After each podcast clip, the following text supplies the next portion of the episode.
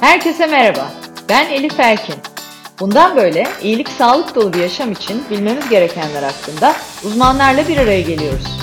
Merak ettikleriniz için bana ulaşın, araştıralım, hep birlikte öğrenelim. İyilik sağlık sohbetlerine hoş geldiniz.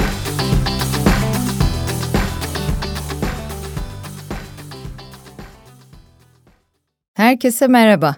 İyilik Sağlık Sohbetleri'nin yeni bölümüyle karşınızdayım. Bu bölümde konuğum can dostum Evrim Kuran. Sevgili Evrim, iyilik sağlık sohbetlerine hoş geldin. Merhaba Elif, teşekkür ederim. Hoş bulduk. Beni davet ettiğin için mutlu oldum. Ben de çok mutluyum geldiğin için. Tabii ki buraya bugün seni arkadaşım olduğun için davet etmedim. İyilik sağlıkla ilgili özellikle de kurumsal iyilik sağlıkla ilgili sana sormak istediğim çok soru var. Tahmin ederim birkaç bölüm daha yapmamız lazım bu konuyu tamamen konuşabilmek için. Bu arada dinleyenler için çok iyi tanıyorsunuz gerçi Evrim Kur'an'ı ama ben yine de kısaca kendisini anlatmaya çalışayım. Evrim Hacettepe Üniversitesi'nde İngiliz Dili ve Edebiyatı, Sabancı Üniversitesi'nde de Executive MBA bölümlerinde öğrenimini tamamladıktan sonra durmadı durmayacağını biliyoruz zaten. Harvard Business School'da davranış ekonomisi, inovasyon, tasarım düşüncesi eğitimlerinin ardından yönetimde mükemmellik sertifikasını aldı. 2000 yılından bu yana onu kuşak araştırmaları, organizasyonel çekicilik çalışmaları, tersine mentorluk programlarıyla sıkça duyuyoruz, görüyoruz. Beraber de çalışmalarımız oldu çok keyifli. Bunun dışında Evrim pek çok ulusal ve global markanın işveren markası danışmanlığını yapmakta ve de işveren markası alanında dünyanın önde gelen araştırma ve danışmanlık şirketi Universum'un Türkiye liderliğini de sürdürmekte. Onun da yanında podcast'te başlayamayacağız senin yaptıklarını anlatmaktan ama anlatmak istiyorum. Çünkü bunların hepsi gerçekten çok kıymetli. Bütün bu bilgilerin arkasında çok derin bir süreç olduğunu da paylaşmak isterim yine de. 2013 yılından bu yana çok keyifle takip ettiğimiz People Make the Brand konferansının da hem küratörlüğünü hem de yaratıcılığını da üstlendiğini biliyoruz. Bununla birlikte bir sosyal girişim Yetken Coop'un kurucu üyesi Evrim, Per Yön'de aynı şekilde danışma kurulu üyesi. Bir süredir de MEF Üniversitesi'nde ders veriyor. Çok da güzel bir ders. Biz de konuk olmuştuk. Çok kıymetli. Sanırım tek değil mi hala? Evet, şu anda lisans seviyesinde bir üniversitede yapılan tek çeşitlilik, hakkaniyet ve kapsayıcılık dersi. Bizimki evet. umarım ilk ve son olmaz. Olmayacağını eminim çünkü sıkça konuşuyoruz. Artık gerçekten insanların farkındalığının arttığını da görüyoruz. Ve Evrim Bunlar yetmediği için aynı zamanda Mondelez International Türkiye Bağımsız Yönetim Kurulu üyeliğini de yapıyor. Tabii çok boş zamanı olduğundan bir yandan da kitap yazıyor hepimizin bildiği gibi. Kitapları da harika. Bizim gibi çocuk büyüten insanlar için de gerçekten o kadar çok şeyi aydınlatan kitaplar ki ellerine emeklerine sağlık. Türkiye'nin beş kuşağını anlatan telgraftan tableteyle başlayan serüven Sonra Z kuşağını mercek altına aldı. Z bir kuşağı anlamak ve Türkiye'nin yeni göç neslini incelediği Onlar Göçtü Buradan isimli üç tane de kitap sığdırmış. Aslında bunu sormayacaktım ama nasıl oldu bunların hepsi? Nasıl oluyor? Nasıl zaman buluyorsun? Önce onunla başlayalım. Bulamıyorum. çok ciddi bir zaman fukarasıyım. Hayatımda en çok ihtiyacım olan şey biraz daha fazla zaman. Ve yaşım ilerledikçe ben şey diye düşünüyordum. 46 yaşındayım. Böyle 45'ten sonra falan çünkü 30 yıldır çalışıyorum. 16 yaşımdan beri aktif olarak çalışıyorum. Ben 46'yı şöyle hayal ediyordum. Kızgın kumlardan serin sulara atlarım herhalde. Tabii. Ee, öyle yani emek, erken emekli olurum falan. Ama yaşım ilerledikçe daha çok çalıştığımı görüyorum. Çünkü başka bir yaşam bilmiyorum. Herhalde öyle oluyor. Ama tabii bütün bunları dikkate aldığında o yüzden artık son yıllarda iyilik ve sağlık konularına da daha fazla önem vermeye başladım. Senin podcast'ine bağlayacak olursak. Evet, evet. Zaten son sorum tamamen senin iyilik, sağlık rutininle ilgili olacak. Şimdi o zaman bütün bu deneyimlerinin ışığında şunu sormak istiyorum sana başlarken işveren markası konusunda çok farklı sektörde, çok farklı firmayla da çalışmış biri olarak. Bugün benim gözlemim pek çok araştırmada karşımıza çıkan konu şu. Şirketler çok sıkıntı yaşıyor. Özellikle çalışanlarının mutluluğu diyelim tırnak içinde hani o da tartışılacak bir kavram ama herkes stresten bahsediyor. Pandemiyle birlikte paralelde daha önce de konuşmuştuk seninle ikinci bir pandemi de yaşıyoruz. Psikiyatri pandemisi. Bunu biz ilaç sektöründe rakamlarla da çok net görüyoruz. Kendimiz de hissediyoruz zaten. O dönemde yaşadığımız obsesyon, korkular, kaygılar hepsi üst üste geldi. Bunun kurumsal hayattaki yansıması nasıl oldu? Sen nasıl değerlendiriyorsun? Ben bir kere her şeyden önce bir araştırmacıyım. O yüzden etrafımdaki gençlere, işte amcamın oğluna, teyzemin kızına bakarak konuşmayı sevmiyorum. Araştırmalar ışığında konuşmak istiyorum ve elbette bu senede her sene olduğu gibi 100 bine yakın bir örneklemde çalıştık. Kısa bir süre önce 2022 araştırmamız sonuçlandı. İş yaşamında farklı kuşakların hem gençlerin hem iş yaşamına hazırlananların hem de deneyimli profesyonellerin iş yaşamı deneyimlerine dair ölçümler yapıyoruz biz biliyorsun. Ve sıklıkla sorduğumuz bir soru var stres seviyeleriyle ilgili. Ne yazık ki bu sene 2022'de dünyanın 60 küsur ülkesinde araştırmalar yapan bir yapıyız biz. Türkiye'nin hem adaylarının yani işte çalışmaya aday üniversite öğrencisi gençlerinin hem işe başlamış genç profesyonellerinin hem de deneyimli profesyonellerinin yani 40 yaş üstü deneyimli profesyonellerin stres seviyesinin son derece yüksek olduğunu gördük. Pazartesi işe enerjik geliyor musun sorusuna verilen hayır yanıtının oldukça yukarıda olduğunu gördük. Yani aslında Nisan-Mayıs ayında da yaptığımız küresel bir nabız yoklaması araştırmasında da bütün pazarlarımızda 61 ülkede çalışıyoruz. Bütün pazarlarımızda stres seviyesinin en yüksek olduğu ülke ne yazık ki biz olduk. Şimdi bununla ilgili bir sürü data verebilirim. Pek farklı araştırmalardan da data anlatabilirim. Ama e, bunu zaten biz biliyoruz değil mi? Etrafımıza Aynen bakmamız öyle. da yeterli. Kendimize bakmamız her şeyden önce yeterli. Bunun sebepleri var tabii. Türkiye bir kere şu an çok kırılgan bir süreçten geçiyor ama bu yeni bir şey değil. Pandemiyi tek başına pandemik etkiler olarak da değerlendirmemek lazımdı. Çünkü Türkiye iş yaşantısı pandemiye 2018 ekonomik krizinin ardından yakalandı. Zaten bir bazımız vardı. Bir bazımız vardı yani biz zaten iki yıldır çok yorgunduk pandemiye yakalandığımızda. Ve pandemi sürecinde de üzerine başka yorgunluklar da eklenince bir tükenmişlik sendromu kendini daha fazla göstermeye başladı. Ama pandemi esnasında öyle olmadı bu. Çünkü pandemi esnasında kahramanlık duygularımız ortaya çıktı. O yükseldi. Yani bununla savaşabiliriz, mücadele edebiliriz. Hep birlikte savaşacağız. Dünya savaşıyor zaten bununla. Biz Yalnız de başaracağız. Değiliz. Yalnız değiliz. Trajik yakınlık anlamlı bir dostluk yarattı yani pandemide. Kesinlikle. Psikiyatri tarafından ya da ruhsal taraftan da bunu tarifleyecek olursak biliyorsun ben de o dönem ilaç sektöründeydim. Bolca da bu alanda çalışmalar, görüşmeler de yapmıştık gerçek anlamda ruhsal hastalıkla mücadele eden insanlara iyi gelen bir süreç oldu. Evet. Çünkü o yalnız değiliz'i onlar ilk defa hissetti. Ya da ben evden çıkmaya korkuyorum ama herkes korkuyor. Herkes benim gibi. Ama ruhsal sağlığı yerinde olan insanlar üzerinde de bambaşka iniş çıkışlar, tamamen tepeler ve vadilerle dolu bir süreç oldu. İş hayatında da benzer. Önce mücadele oldu. Sonra bir şeyler rayına oturdu dedik. Tekrar kapandık, tekrar açıldık. Hibrit mi olsun, uzaktan mı, yakından mı? Durum ortada. Kesinlikle mevcut durum çok çok stresli. Kime sorsak tüm araştırmalarda da duyduğumuz aynı şey. Sen bunun yönetimi için nasıl çözümler öneriyorsun? Çok şirkete danışmanlık yapıyorsun. Eminim bu konu her zaman önüne geliyor stres ve bu strese karşı dayanıklılığımızı nasıl arttırabiliriz? Yine yeni konuştuğumuz bir araştırma World Economic Forum'un McKinsey ile yaptığı bir araştırma da bunu gösteriyor. Bir şirketin dayanıklılık seviyesi ne kadar yüksekse performansı da o kadar yüksek. Dolayısıyla bu çözülmesi gereken bir sorun. Senin önerilerin neler? Ne gibi reçeteler var? Aslında şöyle tam da beklediğim gibi, umduğum gibi demeyeceğim ama beklediğim gibi oldu. Çünkü ne zaman ki artık normal neyse hayat normale dönmeye başladı biz ne kadar şiddetli bir tükenmişlik sendromuna doğru geldiğimizi fark ettik. Yani artık işte ofise mi dönüyoruz, hibrit mi çalışacağız bütün bunlar konuşulmaya başlandıkça yani pandemik etkiler ortadan kalkmaya başladıkça biz bir gerçekle yüzleştik. Süper yorgunuz. Ve bu tek bir kuşağa indirgenebilecek bir şey değil. Olağanüstü yorgunuz ve ne yapacağımızı bilmiyoruz. Sıkışmış vaziyetteyiz. O yüzden belki son söylemem gereken şey en başta söyleyeyim. Ama bu sıralar müşterilerime projelerde 2023 için iki tane anahtar kelimeniz var diyorum. Mutlaka yatırım yapmamız ve çok stratejik bir şekilde ele almamız gereken iki tane başlık var. Eğer biz sürdürülebilir bir performans istiyorsak. Çalışan mutluluğu lafına ben de muhafazakar yaklaşırım. Çünkü mutluluk peşinde değilim kişisel olarak. ve şirketlerin de çalışan mutluluğu peşinde olmalarını çok anlamlı bulmuyorum. Bence bizim yapmamız gereken anlamlı bir iş yaşamı deneyimi sağlamak. Kesinlikle. İnsanların psikolojik güvenlik içerisinde olduğu. Bizim yapmamız gereken asli sorumluluğumuz iş ortamında psikolojik güvenlik ortamı sağlamak Nasıl ve anlamlı yapacağız? bir iş deneyimi tasarlamak. Şimdi bütün bu meselenin arka planında belirsizlikleri yönetmekte artık yaya kalmamız var. Yetkinliklerimiz ne olursa olsun. O yüzden ben iki tane konuda şirketlerin 2023 planlarını, insan yönetimi planlarını iki tane konuya çok ciddi şekilde odaklanarak yapmaları gerektiğini düşünüyorum. Tabii ki birincisi esenlik, çalışan esenliği.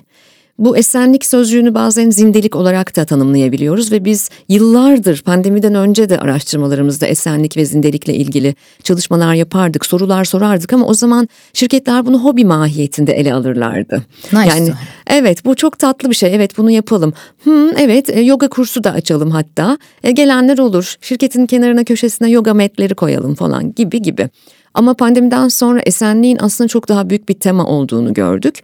O yüzden de ben ve çalışma arkadaşlarım birlikte çalıştığımız şirketlerde ekseriyetle psikolojik sermaye unsuru üzerinde ve bu psikolojik sermayenin dört bileşeni üzerinde çalışıyoruz ve konuşuyoruz. Bunlardan biraz bahsetmek isterim. Yani Tabii. özetle 2023'te şirketlerin birinci sırada odaklanması gereken unsurun çalışan esenliği olduğunu düşünüyorum. Ve bu esenlik sadece fiziksel bir esenlik değil, aynı zamanda ruhsal bir esenlik hali ve bunun sürdürülebilirliğinin sağlanması çok önemli. Ve bilimin ışığında görüyoruz ki çalışanlarının esenliğine yatırım yapan şirketler sadece çalışanlarının bilgisine yatırım yapan şirketlere oranla %70 üzerinde daha fazla sürdürülebilir performans sağlayabiliyorlar. Çok doğru. Araya bir parantez açayım. Harika anlatıyorsun. 1947 yılında Dünya Sağlık Örgütü bir tanımlama yapıyor. Sağlıklı olmak sadece hasta olmamak ya da herhangi bir engelinin olmaması demek değil. Sağlıklı olmak fiziksel, ruhsal ve sosyal yönden tam iyilik hali. İşte adına iyilik hali diyelim, esenlik diyelim, well-being diyelim. Ne dersek diyelim ama kurumsal hayatın bence de birinci gündemi bu olmalı ve bu alanda yapılabilecek çok şey var aslında. Zaten bunlara bakmazsak ondan sonra böyle hızlı popüler olmuş temalara kafayı fazla yorarız o zaman. Mesela oturup ay sessiz istifa diye bir şey çıkmış şimdi de bunu konuşalım hadi falan demektense bence odağımızı çalışan esenliğine doğru çevirmemiz çok önemli. Bunun için de liderlere hep şunu söylerim. Ebeveynlik gibi bu iş. Nasıl uçaktaki oksijen maskesi analojisi var? Yani ben uçakta nasıl oksijen maskesini önce kendime sonra çocuğuma takmam gerekiyor. Liderlerin de önce kendi esenliklerinden başlayarak çalışanlarına mutlaka esenlik vaat etmeleri gerekiyor. İkinci önemli konu da bu birinci önemli konudan ayrıştırılamayacak bir konu. Yan haklar konusunu ciddi şekilde yeniden düşünmemiz, değerlendirmemiz ve ele almamız gereken bir sene olacak bence 2023.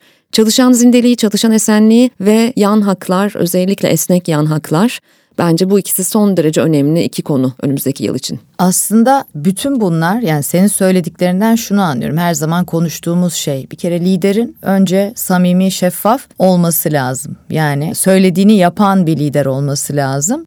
Ve de bütün bunların kişiye özel olması lazım. Yani zaten samimiyet de onu gerektirir. Yani esnek yan hak da öyle. Benim ihtiyacım bambaşka bir şey olabilir esenliğim için.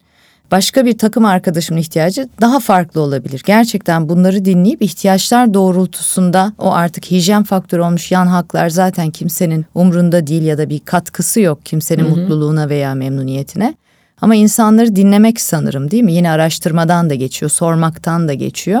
Ve Evet. o doğrultuda çözümler önermek gerekecek artık. Evet sormak lazım yani bana zaten müşterilerimiz "E, şunu şöyle mi yapalım ya da sence bu böyle mi dediklerinde ben bilmem soralım diyorum kime?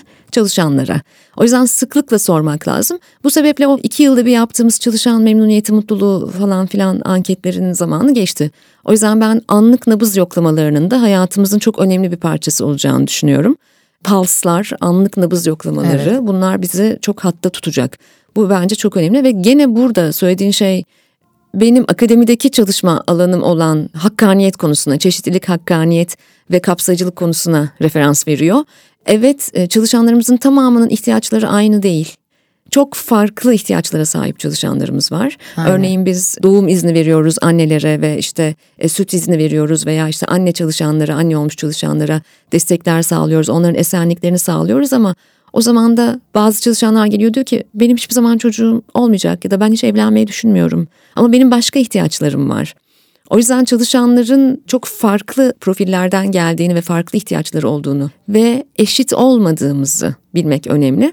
Yan haklarda herkes eşit olarak dağıtılmaz, hakkaniyetli bir biçimde dağıtılır. O yüzden buralarda esnememiz kıymetli. Evet ama bu konudaki bilinç ve şirketlerin bu konudaki yaklaşımında da ben son dönemde çok ciddi gelişmeler görüyorum. Hani biz de görüştüğümüz firmalarda aynı taleplerle karşılaşıyoruz. Kimi çocuk sahibi olabiliyor, kimi hayvan besliyor olabiliyor ki hani tüm dostlarımızdan biliyoruz. Onlar da çocukları gibi bakıyorlar gözlerinin içine.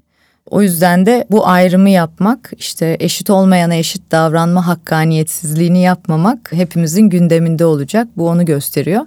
Nabız yoklamaya da çok katılıyorum. Hani bizim de sunduğumuz öneri ve çözümlerden biri o.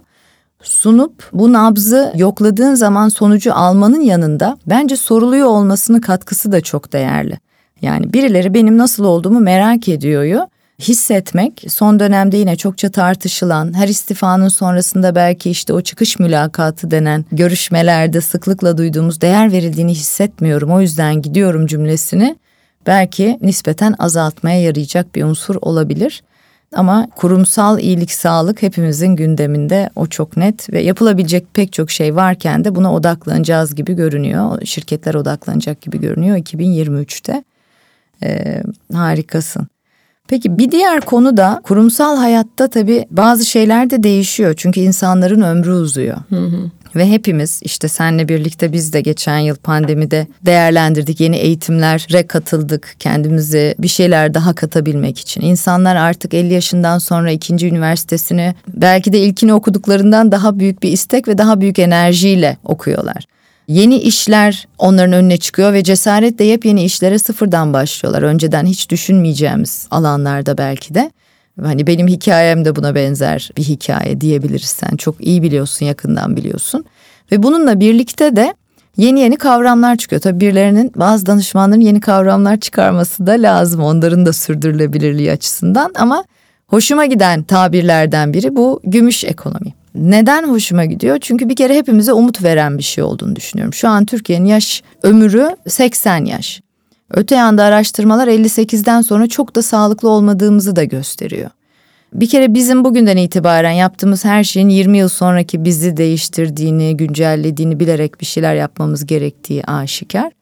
Ama onun dışında yine gümüş ekonomi içerisinde yer almak için, kendimizi daha da ilerilere belki taşıyabilmek için senin bu konudaki hani hem bilginle biz tabii hani eminim ki çok daha zaten yazıyorsun da gümüş ekonomi spesifik. Arkasındaki veriler ne söylüyor gümüş ekonomiye dair ve neler göreceğiz çok yakın dönemde? Sen nasıl gözlemliyorsun? Ben gümüş ekonomiyi çok önemsiyorum çünkü ben bir demografi araştırmacısıyım. Yani hani beni kuşakçı kadın olarak biliyorlar ya hep ben böyle gençleri konuşuyorum sadece Y ve Z anlatıyorum falan gibi gelmesin. Gümüş ekonomiyi çalışmamın ve önemsememin sebeplerinden biri demografi çalışıyor olmam. Ve evet dünya yaşlanıyor. İnsanların artık daha kaliteli yaşayabilme olasılıkları artıyor. Ortalama yaşlar, ortanca yaşlarda yükseliyor. Türkiye'de yaşlanıyor. Türkiye 31,5'a çıktı artık ortanca yaşı. Ama dünyanın gittiği yer şu. Biz şu anda kubbe bir demografik yapıdayız. Yani gövdemiz genişledi artık piramit şeklinde değil dünyanın demografik yapısı. Ve gittiğimiz gelecekte gökdelen demografik yapı. Yani birbirinden çok farklı kuşağın daha uzun yıllar iş hayatında çalışacağı öngörülüyor. Dolayısıyla eğer ilerleyen gelecekte artık yaş ortalamaları, şirketlerin yaş ortalamaları da yükselecekse Mesela belki de bundan 20 yıl sonra 55 yaşında biri gidecek insan kaynaklarına diyecek ki o zaman hala insan kaynakları departmanı olursa tabii. Diyecek ki ben artık 55 yaşına geldim ve benim kariyer planlamamı bir yapalım nasıl olacak? Çünkü en az bir 30 yıl 35 yıl daha belki çalışacak. Çalışması lazım. Tıpkı şu anda benim küçükken hayal ettiğim 46 yaşı yaşamadığım gibi. Yani uzun yıllar çalışacağız. O yüzden esenliğe daha çok ihtiyacımız var bir. İkincisi şirketlerin sadece genç insan kaynağına değil deneyimli insan kaynağına da odaklanması gerekiyor. Ülkelerin de bu konuda politikalar geliştirmesi gerekiyor. Gümüş ekonomi bütün bunları kapsıyor. O yüzden tıpkı cam tavan gibi kadınların yükseldikçe kafasını çarptığı cam tavan gibi Türkiye'de bir de gümüş tavan var. Dünyada da var aslında bu. Ben temel olarak tüm ayrımcılıklara karşıyım ama üzerinde çalıştığım ayrımcılıklardan biri ageizm yani yaş ayrımcılığı. Pandemi Türkiye'de aslında kadim Anadolu bilgeliğinden gelen o yaşlılara çok kıymet verme durumunun aslında pek de samimi olmadığını gösterdi. Biz çünkü pandemide biliyorsun 65 yaş üstünü evde unuttuk. Kesinlikle. Hatta bazı belediyeler drone'la yaşlı avına çıktılar. Evet, evet, Ee, çok. Alo yaşlı hattı kuran belediyeler oldu. Biz onları bayağı evde unuttuk. Onların esenliğini önemsemedik. Onların hareket etmesi gerekiyor. Yürüyüş yapmaları gerekiyor. Parklara, bahçelere çıkmaları gerekiyor gibi. Gümüş ekonomi 55 yaş üstü diyelim Ee, artık deneyimlilerin ben yaşlı demek istemiyorum yaşlı tanımı da değişiyor. Az kaldı zaten bizim de 55'i Evet, görmemize. az De- yaşlı demezsen yaşlı ben de sevinirim. E ben şahsen 46'yım ve kendimi epey genç görüyorum. Ama deneyimli bir kuşak, daha deneyimli kuşağın ihtiyaçları değişiyor. Öyle bir de ben hep şunu düşünüyorum daha önce de konuşurduk da aslında beraber çalıştığımız dönemde de. Şimdi öyle bir deneyim var ki aslında o kuşakta. Neler gördüler, neler geçirdiler, neler deneyimlediler. Bunun olgunluğu var, bilgeliği var. Ve belki de en zirvesindeyken o dönemin yokuş aşağı bir süreç başlıyor kariyerlerinde. Bu onlardan da kaynaklı olabilir. Tabii ki kurumların tam da bu söylediğin ayrımcılığından da kaynaklı olabilir. Burada daha aktif yaşlandığımızda, iyilik sağlığımız üzerinde gerçekten daha kontrollü ilerlediğimizde ya da kurumsal iyilik sağlık için şirketler bu yatırımı yaptığında en büyük deneyimi de şirket içinde tutabilmek gibi bir avantaj olacak. Kesinlikle kurumsal hafıza kaybı diyorum ben buna. Aynen öyle. Kurumsal hafıza kaybına uğramak istemiyorsa şirket mutlaka deneyimli kaynağını bir biçimde içeride tutmanın ve kuşaktan kuşağa kültürü transfer etmenin yollarını bulmak durumunda. Bunun için de tabii ki gümüş ekonomisi önemli. Gümüş ekonomisinin içerisinde mesela deneyimli kuşağa yeniden beceri kazandırmak gibi bir unsur var. Yeni beceri kazanmak ve yeniden beceri kazanmak gibi bir unsur var. Mesela biliyor musun Çin'de yaşlı nüfusun yoğun olduğu bir ülke. Çin'de 3000'e yakın emeklilikten sonra insanların yüksek öğrenimine devam ettiği yaşlılık üniversiteleri var. Harika. Ee, yine Harvard Business School'un bir akademisi var. Emekli profesyoneller için yeniden beceri kazandırma akademisi. Bu tarz yeni beceri kazanımı, yeniden beceri kazanımını mutlaka deneyimli yaştaki nüfus için mutlaka şirketlerin planlaması hatta ülkelerin bir politika olarak planlaması gerekiyor. Yanı sıra altyapılar. Acaba altyapılar yaşlı nüfusu destekliyor mu? Yine pandemiye dönecek olursak desteklemediğini gördük. Teknoloji. Teknolojiyi kullanarak e, yaşlıların esenliğini artırabilmemiz mümkün mü? Ve tabii ki sağlık ve sürdürülebilir sağlık. Bütün bunlarla ilgili daha fazla yatırım yapılması gerekiyor. O yüzden ben buradan melek yatırımcılara, girişimcilere de sesleniyorum. Lütfen gümüş ekonomisi alanında inovasyon yapın. Buna çok ihtiyaç var. Çünkü Türkiye yaşlanıyor, dünya yaşlanıyor ve birlikte yaşamanın ve daha kaliteli yaşamanın bir yolunu bulmamız gerekiyor. Evet o yıllar geçiyor, yaş ilerliyor ama sağlıklı kalmak da mümkün. Bunu da görüyoruz. Tıpta inanılmaz gelişmeler var. Son 20 yılda 200 yıllık teknolojik ilerleme var. Bazı şeyleri öngörmek mümkün. Bunu hem bireysel olarak hem de aslında kurumsal olarak takip ettiğimiz sürece önleyebileceğimiz hastalıkların önüne geçmek mümkünken gözümüzü kapatırsak çok daha başka bir noktaya gidiyoruz. Yani görüyoruz da gidildiğini. Halbuki üzerine birazcık eğilirsek gerçek anlamda hem fiziksel hem ruhsal hem sosyal anlamda aktif yaşlanmanın, o gümüş ekonominin altın gibi parlamasının, pırlanta gibi parlamasının mümkün olduğu gerçeğiyle artık yüzleşiyoruz diye düşünüyorum yani. Kesinlikle bilinç artıyor bu anlamda. Bu da bizim için de kıymetli. Biz de gümüşe doğru gidiyoruz. Bilmiyorum ne diyorsun? Ben korkuyorum yaşlanmaktan. Yani benim böyle bir durumum var. Zihinsel olarak özellikle zihinsel olarak yaşlanmaktan korkuyorum. Çünkü e, bedenimi dinliyorum ve artık 30 yaşında 20 yaşında bir beden olmadığını duyuyorum ama daha verimli olmak istiyorum. Yani kendimden verim almak istiyorum. Çünkü benim makine parkım kafam. Tabii. Bedenim. Tabii, tabii ki tabii ki. Bunun içinde ama artık bir şeyler yapmak gerekiyor. Yani bir kere öncelikle kafanın ne durumda olduğunu da zaman zaman vücudu kontrol ettiriyoruz belki belli dönemlerde yılda bir onda ne kadar yaptığımız soru işareti. Artık daha da bilinçleniyoruz ama bu alanda beynimiz için de aynı şeyleri yapmamız gerekiyor. Geçenlerde sohbet ettiğimiz bir nöroloji hocasıyla konuştuğumuzda ben de bu alanda belki de bir anlamda farkındalık arttı. Bir kongrede sunum yapıyorum dedi. Kaç kişi 50 yaş üzerinde? Bayağı bir parmak kalkıyor havaya. Kaçınız kalbiniz için kardiyoloğa bir gittiniz, göründünüz? Yine bayağı bir parmak kalkıyor. Kaçınız nöroloğa beyniniz için gittiniz? Hiç parmak kalkmıyor. Genelde beynimizi bu kadar önemsiyoruz tabii ki de çok önemli. Ama herhangi bir semptom olmadan, bir şey hissetmeden gitmiyoruz. O yüzden buradan bu vesileyle aslında nörolojiyi de nasıl ki kalbimizde diğer organlarımızı önemsiyorsak beynimizi de mutlaka ki belli dönemlerde taramadan geçirmenin iyilik sağlığımız için çok çok elzem olduğunu da ben altını çizmiş olayım arada. Peki iyilik sağlık ve hani bu korkulardan bahsettik. O zaman sana şunu soracağım. Herkese sorduğum soruyu en başta da onu konuştuk zaten. Kişisel olarak çok verimli, çok üretkensin. E, çok çalışıyorsun. E, birçok şeyi de işin içine sığdırıyorsun. Bu da sağlam kafa sağlam vücut gerektirir.